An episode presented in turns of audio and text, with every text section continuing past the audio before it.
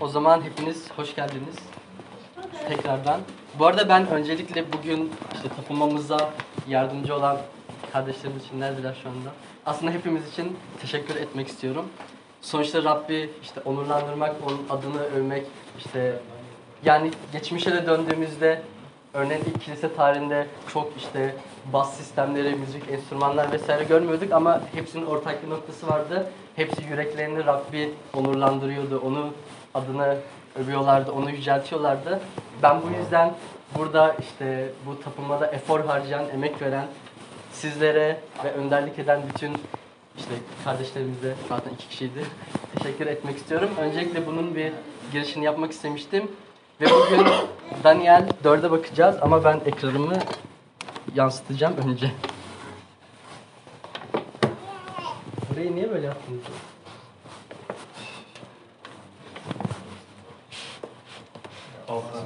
Efendim?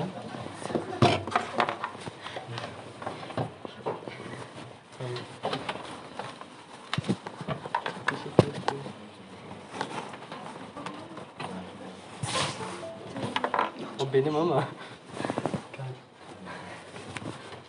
Bakayım benimki. mi?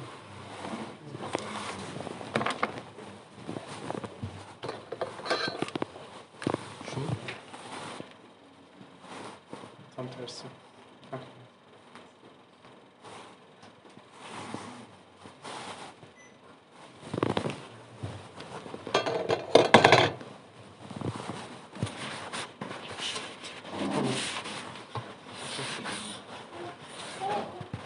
Bir dahakine hazırlanarak geleceğim.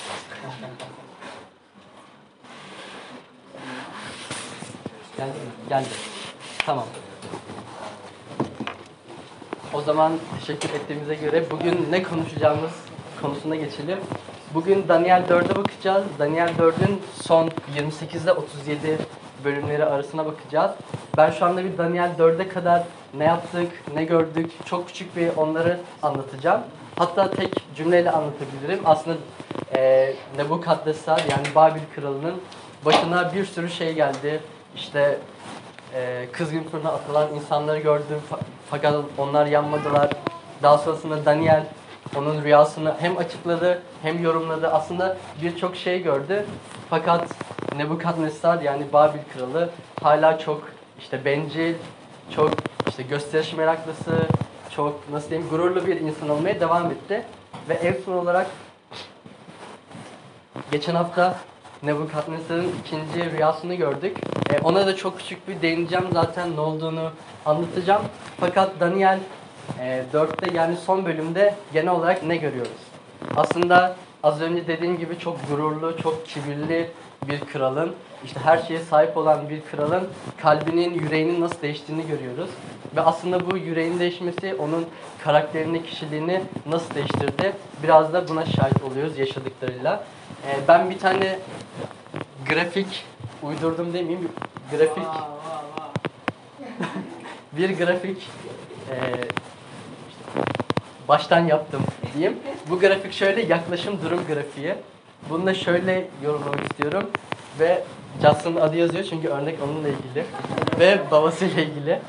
E, biliyorsunuz hepimizin yani hepimizin ilişkileri olabiliyor. Yani yakın arkadaşlarımız oluyor, kardeşlerimiz, işte eşlerimiz, çocuklarımız vesaire ve ilişkilerimiz inişli çıkışlı olabiliyor. Bazen işte kötü şeyler olabiliyor, bazen birbirimize kızabiliyoruz. Farklı şeyler olabiliyor. Benim bu durum grafiğim e, şöyle bu aşağıdaki isim kim olduğunu gösteriyor. Yani kimin durumu. E, bu da o kişi memnun mu yoksa işte mutlu mu vesaire onun grafiğini gösteriyor. Bugünkü örneğimizde şöyle bir şey. Pazar günü işte Jones ailesi eve döndüler. İşte Judson bilgisayarla oynuyor, telefonla, tabletle vesaire oynuyor vesaire işte çok mutlu. E, şu anda Judson durumu nasıl? Mutlu. Çok mutlu, çok memnun yaptıklarından vesaire. Fakat Judson'ın yarın sınavı var. Ve Ronnie dedi ki işte tableti kapat, televizyonu kapat, ders çalışacaksın vesaire. Judson da biraz buna işte üzüldü hatta biraz kızdı vesaire. Sonrasında ne oldu durumu? Biraz aşağı gitti. Daha sonrasında neyse ki sınavına çalıştı Ronnie sayesinde ve sınava girdi. Akşamında sınavın işte sonucunu öğrendi. Çok iyi geçmiş ve akşam yemek yediler beraber. Şimdi grafik nasıl oldu? Şu an daha mutlular. Yani catsını baz alarak burada konuşuyoruz. İşte daha mutlu, daha memnun halinden, işte yaşadıklarından vesaire. Bizim hayatımızda da böyle inişler çıkışlar olabiliyor. Bu arada bu grafiğe makro olarak da bakabiliyorsunuz, mikro olarak da bakabiliyorsunuz. Ee, biz bugün Daniel'in bu grafiğine bakacağız aslında. Daniel ve Tanrı arasında olan e, ilişkiye, e, grafiğe bakacağız ve aslında iki tane soruya cevap vereceğiz. Bir tanesi Tanrı'ya karşı yaklaşımımız nasıl değişiyor? Bir de e, bu aslında neden e, değişiyor? Çünkü Nebukadnesar'ın yaklaşımı değişiyor ve o yaklaşımdan ne öğreneceğiz? Bu iki soruya hep beraber cevap vereceğiz. Ben öncelikle bir yani şu anda konuşacağımız konu bir rüyanın gerçekleşmesi. O yüzden birisi bizim için Daniel 4 28 37 arasını okuyabilir mi? Okursa devam edeceğim.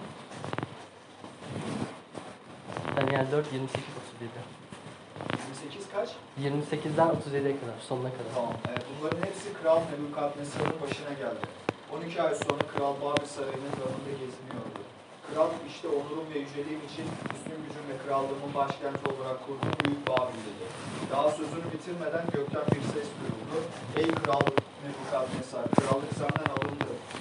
İnsanlar arasından kovulacak, yabanıl hayvanlarla yaşayacaksın. Öküz gibi otla besleneceksin. Yüce olanın insan krallıkları üzerinde egemenlik sürdüğünü ve krallığı dilediği kişiye verdiğini anlayıncaya dek yedi vakit geçecek. Nebukadnesar'a ilişkin bu söz hemen yerine geldi. İnsanlar arasından kovuldu. Öküz gibi otla beslendi. Bedeni göğün çiğ, çiğiyle ıslandı. Saçı kartal tüyü, tırnakları kuş pençesi gibi uzandı, uzadı.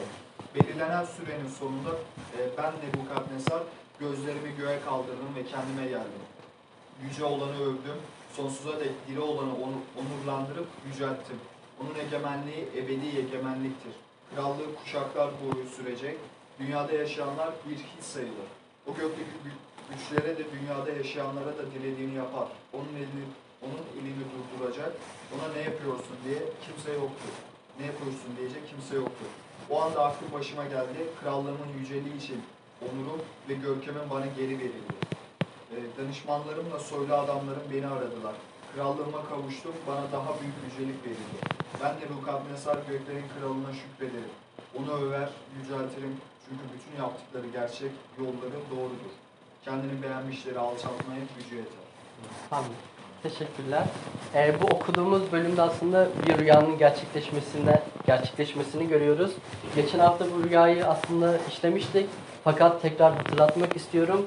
Ee, Nebukadnesar'ın rüyasında şöyle bir şey oluyordu. Çok güzel büyük bir ağaç vardı ve daha sonrasında gökten Nebukadnesar'ın gözcü olarak nitelendirdiği işte kutsal ilahi bir varlık geliyordu ve o ağacı kesiyordu. Fakat köklerini e, söktürmüyordu. Yani yaptırdıkları kişilere köklerini söktürtmüyordu. Sadece ağacı kestirtiyordu. Ve Daniel bunu şöyle yorumluyordu. E, işte Babil kralı Nebukadnesar, krallık senin elinden alındı. Senin elinden alınacak. E, ama bir işte hayvan gibi yaşayacaksın. Bir işte büyükbaş hayvan gibi otlanacaksın vesairesine bir yorum yapıyordu. Ve en sonunda aslında bir şey istiyordu Daniel. Bu yorumun sonucunda e, Nebukadnesar'dan tövbe etmesini istiyordu. Yani 27. ayette de gördüğümüz gibi bu yüzden ey kral öğüdünü benimse, öğüdümü benimse, doğru olanı yaparak günahından, düşkünlere iyilik ederek suçlarından vazgeç. Olur ya gönencin uzun sürer şeklinde. Aslında Daniel bu rüyayı yorumlayarak tövbe etmesini istiyor. Ne- Nebukadnesar'ın yaptıkları için, insanlara yaptıkları vesaire, işte krallığında yaptıkları şeyler için tövbe etmesini istiyor. Fakat biz neyi görüyoruz? Hayır, tövbe etmiyor Nebukadnesar. Çünkü çok gururlu, çok kibirli, çok bencil bir kral. Ve Nebukadnesar'ı biraz tanıyoruz. Hatırlarsanız Daniel 2 hakkında konuşurken yine orada rüya hakkında konuşuyorduk. Ve Nebukadnesar'ın biraz işte dindar bir adam olmadığı ama ritüelleri yerine getirdiği, biraz da politik, işte krallığa odaklanan bir adam olduğunu görüyoruz. Bu yorumda evet Daniel tövbe etmesini istiyor fakat tövbe etmediğini ilk başta Nebukadnesar'ın tövbe etmediğini e, çok net bir şekilde görüyoruz. Ve aradan 12 ay geçiyor. Aslında 12 aylık bir e, süre veriyor tanrı 12 ay boyunca hiçbir şey yapmıyor ve 12. ayın sonrasında Nebukadnezar bir gün işte sarayında dama çıkmış ve orada konuşuyor. Biraz krallığını övüyor. Ne kadar güzel bir krallık, işte çok güzel bir krallık, ben yaptım bunları vesaire gibi. Ve gerçekten Babil'in çok güzel bir krallık olduğunu biliyoruz. Örneğin Yaşaya kitabında Tanrı bile Babil için şöyle diyor. Krallıkların en güzeli. Yani Tanrı bile Babil'i gerçekten işte Nebukadnesar'ın yaptığı o krallığı krallıkların en güzel şeklinde ifade ediyor, tanımlıyor. Ya da çoğumuz biliyordur Babil asma bahçeleri dünyanın yedi harikasından biri ve bu da işte ikinci Nebukadnesar'ın yani bu buradaki Nebukadnesar'ın yaptığı e, asma bahçeler. Biz gerçekten işte Babil'in çok güzel bir imparatorluk, krallık olduğunu biliyoruz. Ve Nebukadnesar da işte sarayında dama çıktığında ne güzel şeyler yaptım, işte çok güzel oldu şeklinde aslında biraz gösterişli davranıyor, biraz işte kibirli davranıyor. Ve bu olaylar nerede geçiyor diye bakacak olursak tam olarak işte Babil'in o merkez sarayında başkentinde oluyor. Burada da aslında şöyle bir şey var. Yani neden orada oluyor? Çünkü hatırlarsanız yani tövbe etmesini istiyor Daniel. Ama biz kendimize baktığımızda tövbe nereden çıkıyor? Bir başkent, bir ülkenin neyidir? Muhtemelen kalbidir. Ve bu olayın işte kalbim, e, Babil'in kalbinde geçmesi de aslında biraz tabi tesadüf de olabilir, tesadüf olmayabilir. Çünkü şey, e, biz de tövbe ederken aslında kalbimizi kullanarak kalben tövbe etmemiz gerektiğini biliyoruz.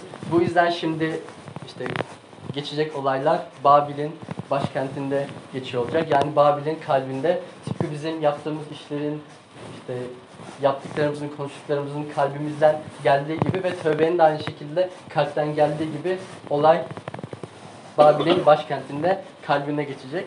Peki ne oldu diye ona bakacağız şimdi. Ee, zaten biraz önce okuduğumuz gibi Nebukadnesar bir işte hayvana dönüşüyor diyebiliriz. Çünkü Tanrı bir şekilde o rüyayı gerçekleştiriyor. Ve gökten sesleniyor Tanrı. Hatırlarsanız yani bilmiyorum hatırlıyor musunuz? Nebukadnesar'ın rüyasına baktığımızda da gökten bir kutsal bir varlık iniyordu. Ve aynı şekilde burada da rüyanın aynı biçimde gerçekleştiğini görüyoruz. Yine gökten Tanrı sesleniyor. Tıpkı gökten o gözcünün indiği gibi ve krallık senden alındı şeklinde konuşuyor. Daniel'in yaptığı yorum da aynı şekilde krallığın ondan alınmasıydı. Ve daha sonrasında görüyoruz Nebukadnesar gerçekten çok işte kötü bir hal alıyor, çok kötü bir şekle bürünüyor. Ee, 7 yıl boyunca yani burada belir- belirlenen süre 7 yıldı. 7 yıl boyunca gerçekten işte bir hayvan gibi yaşıyor, bir hayvana benziyor. Bununla ilgili e, tabii ki bu arada tek kaynağımız bizim kutsal kitap. Onun doğruluğundan hiç şüphe etmiyoruz. Fakat ben önemli bir olay olduğu için biraz tarihi ve farklı akademik kaynaklara bakıp bu olayı doğrulamak istedim. E, bu olayla ilgili iki tane yazar yani imanlı olmayan işte yazarlarımız var. İşte Berosus ve Abidenius. Bunlar İsa'dan önce yaşamış insanlar. E, bunlar ikisi de Nebukadnesar'ın yaşadığı bu olayı aslında birazcık e, bu arada bunun resmi olmadığı için böyle koydum. Aynen. Fotoğraf olmadığı için. Bu ikisi de kendi yazıtlarında şundan bahsediyorlar. Gerçekten Nebukadnesar bir süre delirdi, bir süre kayboldu, bir süre yok oldu. İşte onu vezirleri vesaire bulamadı şeklinde. İkisi de işte Babil döneminde belki o olaydan bir 200-300 yıl sonra bunu ele alıyorlar ve bundan bahsediyorlar. Aynı şekilde biz Babil'in işte siyasi vesaire tarihine baktığımızda 582 ve 575 arasında hiçbir yani çok fazla kayda ulaşamıyoruz. Çünkü burada da yani bazı akademisyenler bunu şöyle yorumluyor. O dönemde Nebukadnesar işte olmadığı için, delirdiği için o döneme ait yazılı kaynak, tarihi kaynak işte savaşlar vesaire çok bulamıyoruz şeklinde yorumluyorlar. Ben son olarak iki tane psikolojik doküman yani argümandan bahsetmek istiyorum. Efendim? Gerçekten mi? Gerçekten. O zaman şimdi duyacaksın. Bu ikisi de bu arada bir hastalık.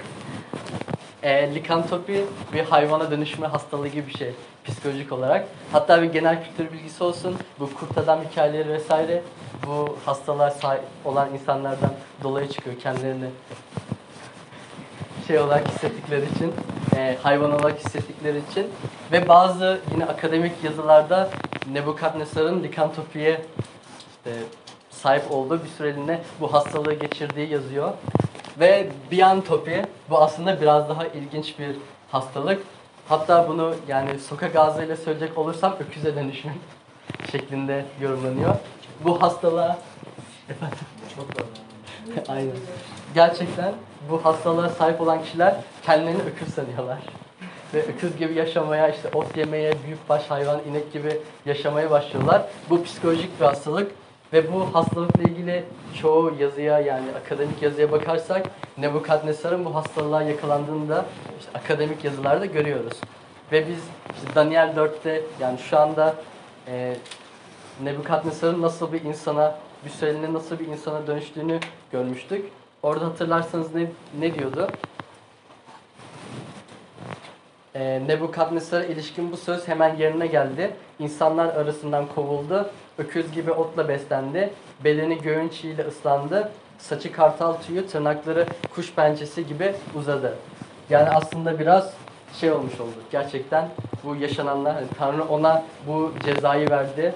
Ve bu- biz bunu yalnızca kutsal kitapta değil, bu önemli olayı tarihi kaynaklarda, akademik yazılarda da net bir şekilde görebiliyoruz. O zaman şimdi ee, çok isim uzun olduğu için sadece nep yazdım. Nebukadnesar'ın grafiğine bakacak olursak aslında önceden, bu arada buradaki yani ilişkiden kastım imanlı olup olmaması şey değil, ne kadar mutlu yaşadığı ortamdan. O rüyaya kadar aslında çok iyi bir hayatı var. İşte çok iyi bir krallığı vesaire var. Fakat e, rüyanın gerçekleşmesinde onun durumunun aslında buraya kadar düştüğünü görüyoruz. İşte otla besleniyor bir hayvana dönüşüyor aslında. Tanrı onu yargıladığı için ve cezalandırdığı için e, şuraya kadar düşüyor. Peki biz bundan işte şu ana kadar geldiğimiz yerde bu düşüşe kadar ne öğreniyoruz? Tövbenin ne kadar önemli olduğunu. Ya hatırlarsanız yani İsa bile ilk işte hizmetine başladığında önce tövbeden bahsediyordu. Yani şunu görüyoruz. Ben iki örnek bir vaftici Yahya'nın işte ilk çağrısını ve daha sonrasında İsa'nın hizmetine başladığında ilk çağrısından bahsetmek istiyorum. E, Matta 3'te vaftici Yahya doğrudan işte ne diyor? Tövbe edin çünkü göklerin egemenliği yaklaşmıştır. Aslında o da biz göklerin egemenliği olarak ne düşünüyoruz? Müjde. Müjde göklerin egemenliği, işte Tanrı'nın krallığı, dünyasal olmayan işte göksel krallık. Ve aynı şekilde İsa da bu çağrıyı tekrarlıyor.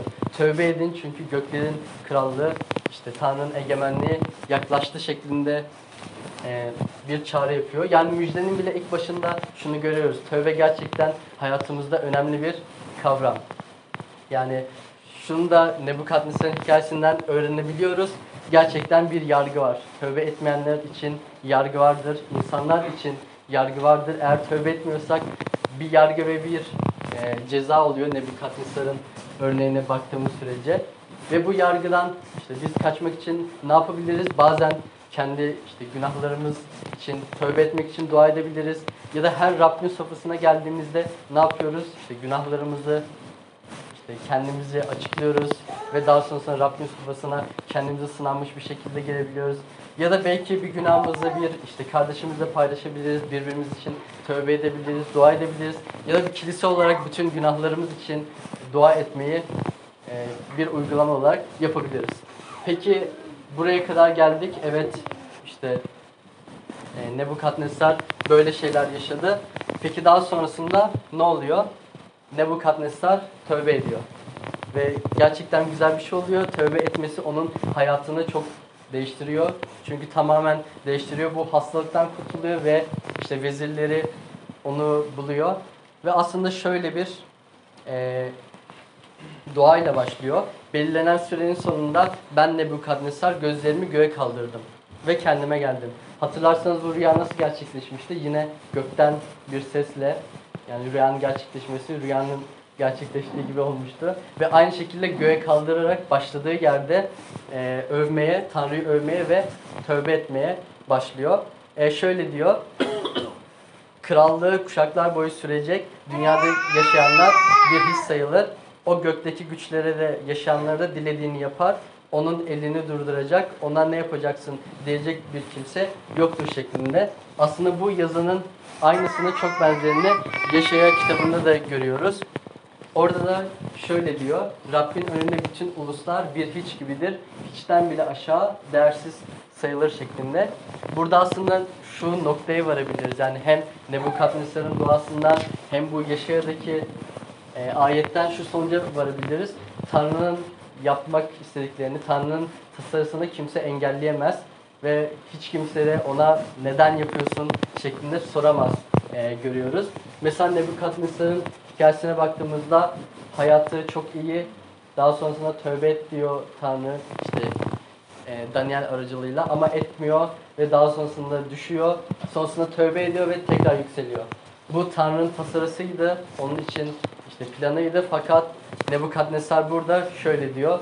İşte onun neden bunu yaptığını biz sorgulayamayız. Bu aynı şekilde müjde için de geçerli. Yani müjdeye de baktığımızda ne oluyor? İnsanlar işte çok kötü ve Tanrı iman etmemizi istiyor. Eğer iman edersek sonsuz kurtuluşa kavuşuyoruz. Aslında aynı yapı Nebukadnesar'da gördüğümüz o yapı müjdede de çok net bir şekilde görebiliyoruz. Ve buna yani mesela çok soru gelebiliyor işte Tanrı neden böyle bir şey yaptı ki neden işte böyle yolları uzattı neden ilk başta şunu yapmamıştı bunu yapmamıştı vesaire gibi çok fazla soru alabiliyoruz. Burada yani bir kralın işte despot olmayan bir kralın hani siz ne bilirsiniz yani siz soramazsınız gibi bir e, övgüsünü e, görüyoruz. E, daha sonrasında dediğim gibi e, tövbe ettikten sonra Nebukadnesar krallığını tekrar alıyor. Krallığını tekrar kavuşuyor ve tövbesinden sonra grafiğimizin aslında bu şekilde yükseldiğini görüyoruz. E, yalnızca bu kadar değil, bu grafiği aslında kendi hayatlarımızda da görüyoruz. Öğrencilerin, işte İsa'nın öğrencilerin hayatlarında da görüyoruz.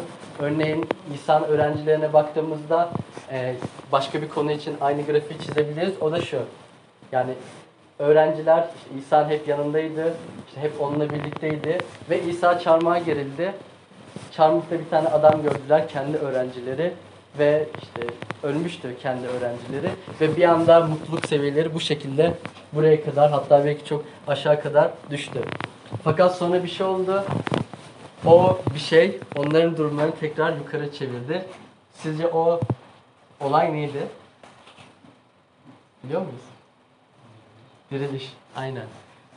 Öğrenciler işte gördüler öğretmenlerinin bir çarmıha gerildiğini, işte çok feci şekilde, işte çok dehşet şekilde öldüğünü gördüler. Ama daha sonrasında onun dirilişini de gördükleri için aslında onların grafiği de bu şekilde oldu ve daha sonrasında Mesih'in müjdesini e, yaymaya başladılar. E, bu arada şimdi şeye dönmek istiyorum. Biraz o en başta iki tane soru sormuştum. Onlar onlara geri dönmek istiyorum. Bir tanesi şuydu. Tanrı'ya karşı yaklaşımımız nasıl değişiyordu? Ben Nebukadnesar hakkında çok konuştuğum için ondan küçük bir örnek vermek istedim. Neb- Daniel'in ikinci bölümünde ilk rüyasını görüyoruz Nebukadnesar'ın. İkin, dördüncü bölümünde de ikinci rüyasını görüyoruz. Ve aynı şekilde iki, iki yerde de Nebukadnesar Tanrı'yı aslında biraz övüyor. İkinci bölümde şöyle diyor. Daniel'e madem bu gizli açıklayabildin, Tanrı'nın gerçekten Tanrıların Tanrısı, kralların efendisi dedi. Gizleri açan odur. Ve Daniel 4.35 şimdi okuduğumuz işte dünyada yaşayanlar bir hiç sayılır onun önünde vesaire az önce okuduğum için çok şey yapmıyorum. Ama bu iki övgü arasında ne görebiliyoruz? Ne görebiliyoruz? Biraz karakterinin değiştiğini, Nebukadnesar'ın karakterinin, kişiliğinin değiştiğini görebiliyoruz. Burada evet yani bir şekilde Tanrı ona iyilik yaptı diye bir övüyor, bir yüceltiyor. Ama buraya geldiğimizde 4.35'te gerçekten çok bir yani övgü bombardımanı şeklinde ve kral olmasına rağmen işte bütün Babil'e krallığın krallıkların en güzeline sahip olmasına rağmen e, daha önce de aslında biraz geride söylemiştik kralların kralı şeklinde sesleniyor Tanrı'ya ve böyle bir adam bir anda karakteri işte daha önce çok gururluyken işte çok kibirliyken çok bencilken çok böyle nasıl diyeyim biraz kötü bir adamken bir anda alçak gönüllü bir insana dönüştüğünü görüyoruz. Yaptık işte dedikleri sayesinde eee, ve tarihi kayıtlarda biraz yaptıkları sayesinde çok alçak gönüllü bir insana dönüştüğünü görüyoruz. O zaman bizim de bu şekilde Tanrı'ya karşı yaklaşımımız her zaman değişiyor. Yani iman etmeden önce olan kendinizi düşünün ve iman ettikten sonraki kendinizi düşünün. Muhtemelen arada çok farklar olacaktır. Yani belki daha öncesinde işte bazı çok kötülükleriniz oldu vesaire bir şeyleriniz oldu. Ama iman ettikten sonra aslında bu kişilik değişimini, bu karakter değişimini siz de yaşadınız. Ve aslında buradaki kalp, yani buradaki karakter değişikliğinin sebebi kişiliğimizin değişmesi değil de biraz yüreğimizin, kalbimizin değişmesi.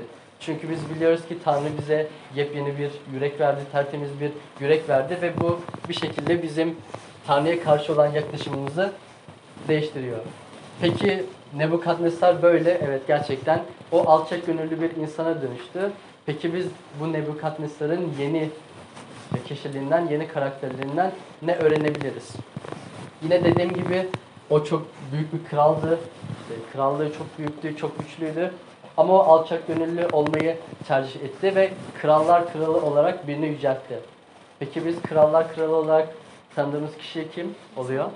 İsa Mesih oluyor. Aslında o da yani kutsal kitap bize ne diyor? Her şey onda var oldu ve onsuz hiçbir şey var olmadı.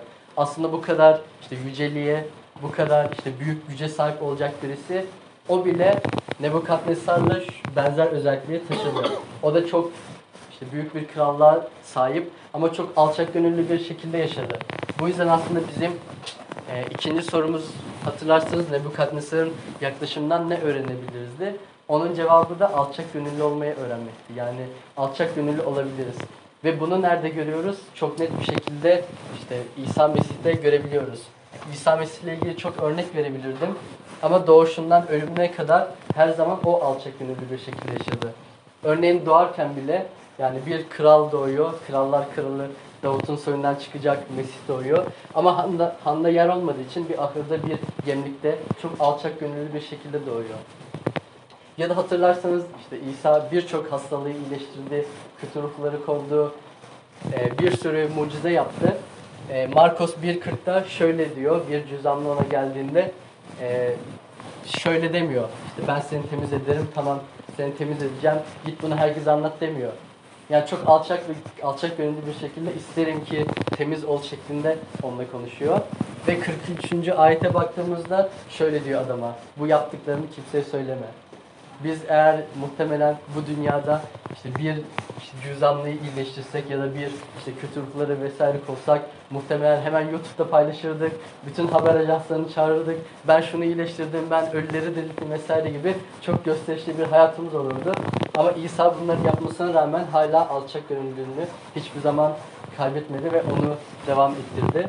Ya da Yeruşalim'e gelişini İsa'nın hatırlıyorsunuzdur. Hatta Yeruşalim halkı onu şöyle karşı, karşıladı. Davut'un soyundan çıkacak kurtarıcı Mesih şeklinde karşıladı. Ama İsa Mesih oraya nasıl girdi? Bir sıfanın, bir eşek yavrusunun üstüne girmişti. O kadar alçak gönüllü bir şekilde Yeruşalim'e gelmişti. Ya da İsa'yı bütün işte öğretmen olarak görüyor öğrencileri. Ama o ne diyor? Ben hizmet edilmeye değil, hizmet etmeye geldim şeklinde diyor. Ve kendi öğrencilerin bile ayaklarını yıkıyor İsa Mesih. İşte böyle bir alçak gönüllülükle öğrencilerini karşılıyor. Ya da mesela e, öğrencilerine şöyle diyor. Yani Tanrı'ya öğrenciler için şöyle diyor. Bana verdiğin yüceliği onlara verdim şeklinde. Muhtemelen biz şimdi bir arkadaşımız, bir kardeşimiz ya da herhangi bir insan bizden işte yardım istese vesaire bazen çekinebiliyoruz. İşte bazen yok ya yapmayayım ne olacak vesaire diyebiliyoruz. İşte o kişiye yardım eli uzatmıyoruz. O kişiye el vermiyoruz. Ama bizim örnek aldığımız kişinin yüceliğini, bütün yüceliğinin yüceliğini öğrencilerine verdiğini çok net bir şekilde e, görebiliyoruz.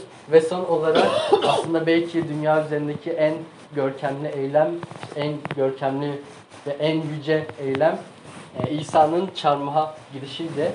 Fakat o çarmıha giderken bile alçak gönüllülüğünü hiçbir zaman unutmadı. Alçak gönüllülüğünü hiçbir zaman bırakmadı. Orada bile yani sadece tamamladı, tamamlandı dedi ve boynunu işte başını eğerek e, ölüme ruhunu e, teslim etti. Orada bile aslında İsa'nın baştan sona kadar ne kadar alçak gönüllü olduğunu görebiliyoruz. Peki İsa neden bu kadar alçak gönüllüydü? Sonuçta o işte krallar kralı diyoruz, yüceler yücesi, işte efendilerin efendisi bu kadar önemli, bu kadar güçlü bir insan neden bu kadar alçak gönüllüydü? Çünkü aslında şu yüzden bütün hayatı boyunca hiçbir zaman kendi isteği veya kendi düşünceleri veya insanların düşüncelerine odaklanmadı. her zaman düşüncesinde Tanrı yani baba bunu nasıl düşünür? Gerçekten bu babamın isteği mi şeklinde cevaplıyordu ve yaptığı her şeyi insanların memnuniyeti için değil de Tanrı'nın babasının memnuniyeti için yapıyordu. Biz, biz de aslında bunu e, öğrenebiliriz. Biz de bazen gerçekten yaptığımız şeyleri işte insanlar ne düşünür, başka insanlar bunu yaparsam ne düşünür ya da işte farklı şekillerle hep insanların düşüncelerine odaklanıyoruz. Ama odaklanmamız gereken yer neresi? Tanrı ben bunu yaparsam ne düşünüyor? Tanrı gerçekten bunu istiyor mu? İşte Rab gerçekten isteği bu mu? Düşüncesi bu mu? Aslında Tanrı'nın isteğine odaklanmalıyız. Tıpkı İsa Mesih'in yaptığı gibi. Ben son olarak aslında birkaç tane e, örnek uygulama vermek istiyorum. Burada ben ikiye böldüm. İşte gururlu gösterişli bir insan nedir, nasıl olur? Ve alçak gönüllü bir İsa Mesih imanlısı, işte alçak gönüllü bir insan nasıl olur? Örneğin gururlu insanlara baktığımızda genelde az önce de bahsettiğim hep başkalarının düşüncelerine odaklanıyorlar. Bugün ben kravat taksaydım başkalarının, ben böyle düşündüm. ne olurdu vesaire gibi. Hep başkalarının düşüncelerine odaklanıyorlar. İşte kim ne der? Hatta bizde bir işte söz vardır. El alem ne der? İşte gibisinden bir deyim, bir söz vardır.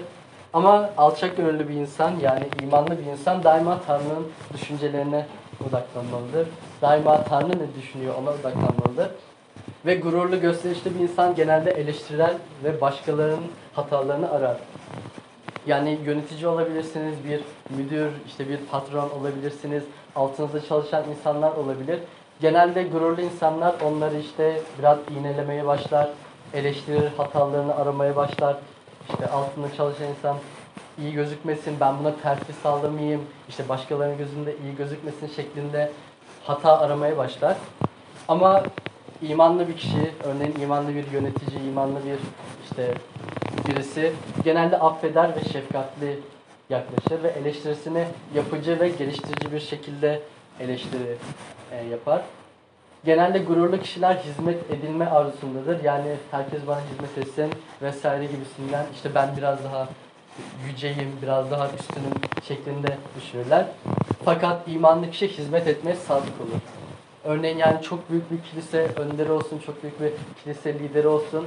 Ee, gidip yani işi alçalttığından değil, gidip bulaşık yıkayabilir, işte yerleri temizleyebilir.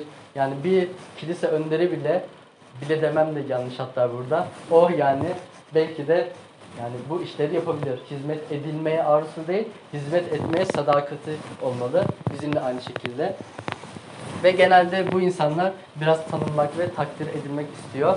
Burada çok küçük bir nasıl diyeyim bir konu var, önemli bir konu. Evet işte tanınmak istiyor, takdir edilmek istiyor ve bazen işte bu gösteriş müjdeyi bile etkileyebiliyor. Özellikle Türkiye'de işte ben işte Hristiyanım, işte bunu gösteriş olarak sunan insanlar olabiliyor. Ya da müjdeyi paylaşırken işte sanki çok tabii ki önemli bir iş ama gösteriş için, ol- gösteriş için olmaması gereken bir iş. İşte ya da tanınmak için Hristiyan camiası arasında işte ünlü olacağım, herkes beni tanıyacak, Instagram'da bir sürü takipçim olacak vesaire. Ee, tanımak ve takdir edilmek için yapabiliyor. Ama e, imanlı bir kişi kendini alçaltıyor. Tabii ki bu arada demek istediğim şey yani hizmet etmeyecek miyiz? Tabii ki edeceğiz. Yani Mesih için, işte İsa için, onun müjdesi için tabii ki hizmet edeceğiz. Ama burada amacımız çok tanınmak, çok takdir edilmek değil de onun müjdesinin, onun yaptıklarının bizim ulusumuz, yani bütün uluslar arasında yayılması için kendimizi alçaltacak şekilde yapmalıyız. Ve genelde gururlu kişiler çok bilgili olduğu konusunda emindir. İşte ben her şeyi biliyorum da bu böyledir, bu şöyledir. İşte biraz gururludur, kibirlidir. E, fakat imanlı bir kişi Tanrı'nın bilgeliğinden, onun hikmetinden emindir. E, imanlı birisi gerçekten işte Tanrı'nın e, doğruluğunu aramaktadır. Gururlu bir kişi genelde işte günahları hakkında çok endişesi yoktur. Yapsa da günah işlese de biraz işte ya ne olacak işte küçük bir günahtı, işte küçük pembe bir yalan söyledi. Pembe mi beyaz mı hatırlamıyorum ama bir işte yalan söyledi vesaire tarzında e, biraz endişesiz hareket eder. Ama imanlı, alçak gönüllü bir insan gerçekten yaptıkları günahlar yüzünden işte korkar, endişelenir, şimdi başıma ne gelecek ve tövbe eder. Tıpkı işte Tanrı'nın Nebukadnesar'a söylediği gibi ya da Vastici Yahya'nın o çağrısı gibi, İsa'nın çağrısı gibi ya da Pavlus'un işte bize mektuplarını yazdığı gibi tövbe etmeye meyillidir ve tövbekar bir insandır. Ve daha sonrasında gururlu kişi kendini işte kendi yüzünden başkalarına aracılık sanar. Örneğin işte şu an örnek bu arada gerçekteyiz. Ben çok iyi bir vaizim. Bu kilise bana sahip olduğu için çok ayrıcalıklı, çok önemli. Ya da işte ben şöyle işte bir işte şirketin üst kurul üyesiyim. Benim ailem bana sahip olduğu için çok ayrıcalıklı bir işte kişiler ya da bulunduğum topluluk bana sahip olduğu için çok önemli, çok değerli, çok ayrıcalıklılar şeklinde o taraf düşünebilir. Biz düşünmüyoruz. Biz neyi düşünüyoruz? Biz tek ayrıcalığın İsa Mesih olduğunu ve ona iman ettiğimizde ayrıcalıklı olduğumuzu e, düşünüyoruz. Tabii ki bu ayrıcalığı da sadece kendimize tutmuyoruz. Aynı şekilde başka insanların da işte Mesih'i tanıma, onu görme, onun müjdesini öğrenme e, ayrıcalığına sahip olmasını için çabalıyoruz. Son olarak diğer insanlar, işte bu gururlu gösterişli insanlar daha çok dünyasal zevkler için yaşamaktadır. İşte daha çok işte paradır, işte eğlenmektir, partilere gitmektir, bir şeyler yapmaktır vesaire. Daha çok yani dünyasal zevkler. Çok örnekleri şey yapmayayım. Ama imanlı ve alçak gönüllü bir insan tamamen hayatını Tanrı'ya adayan insandır. Burada da yine şey demiyorum yani işte o zaman çalışmayalım mı, para kazanmayalım mı değil. Ama kendi hayatını Tanrı'ya adayarak, yaşayarak bunları e, yapmalıdır. E, burada dediğim gibi işte Nebukadnesar'ın hikayesinde, şu anki hikayesini biraz özetlemem gerekirse o gerçekten kalbi işte çok kötü, çok gururlu bir insanken bir anda işte bu tövbesi ve Tanrı'nın ona dokunuşu, onu yargılaması onu alçak gönüllü bir insana dönüştürdü. Alçak gönüllü ve temiz kalpli bir insana dönüştürdü. Tıpkı işte biz Mesih'i kabul ettiğimizde, onun işte kurtuluşuna sahip olduğumuzda bizim de nasıl kalbimiz değişiyorsa aynı şekilde Nebukadnesar'ı da kendimize bu şekilde yani e, iman hayatımızda örnek alabiliriz. Nasıl değişiyor? İşte söyledikleri vesaire, kişiliği, kimliği nasıl değişiyor? Biz de aynı şekilde iman ettiğimizde değişiyoruz. Ve son olarak Nebukadnesar'ın yeni kişiliğindeki alçak gönüllülüğü biz de aslında İsa Mesih aracılığıyla çünkü aslında ondan gördük bu alçak gönüllülüğü. Onun aracılığıyla alabilir ve hayatlarımızda alçak gönüllü bir şekilde işte gösterişten biraz daha uzak, işte gururdan, kibirden daha uzak, insan ilişkileri iyi insanlar olarak sürdürebilir, sürdürebiliriz alçak gönüllü olarak. Çünkü aslında bu yaptıklarımızın hepsi bir şekilde örnek aldığımız kişiyi gösterecek. İşte İsa Mesih doğuşundan ölümüne, dirilişine kadar e, hep alçak gönüllü yaşadı ve biz de onun yaşadığı gibi yaşayarak aslında onun bu kişiliğini, bu kimliğini e, göstermeliyiz. Çünkü hep ne diyoruz? Evet İsa dirildi ama yani bunu nasıl insanlara göstereceğiz? Aslında iman hayatımızda, yaptıklarımızda, tavır ve davranışlarımızda bunu aslında göstererek İsa Mesih evet gerçekten yaşıyor diyebiliriz. Evet gerçekten dirildi ve bizim işte bu yani kalbimizde tapınak kurduğumuz, kalbimizde tapınak kurmak dediğimiz olay gerçekten evet İsa Mesih bizimle birlikte ve biz onun bize verdiği, bize bahşettiği yaşamı yaşıyoruz. İsa Mesih'in nasıl işte böyle bizim için yaptıklarını kendi hayatımızda onun gibi alçak gönüllü olarak gösterebiliriz. Ee, sonuç olarak bugün değinmek istediğim konu buydu. Ee, Nebukadnesar'ın alçak gönüllülüğü ve İsa Mesih'in alçak gönüllülüğü sayesinde biz ne yapabiliriz? Biz nasıl alçak gönüllü olabiliriz ve alçak gönüllü olmalı mıyız? Ki gördüğünüz üzere evet olmalıyız.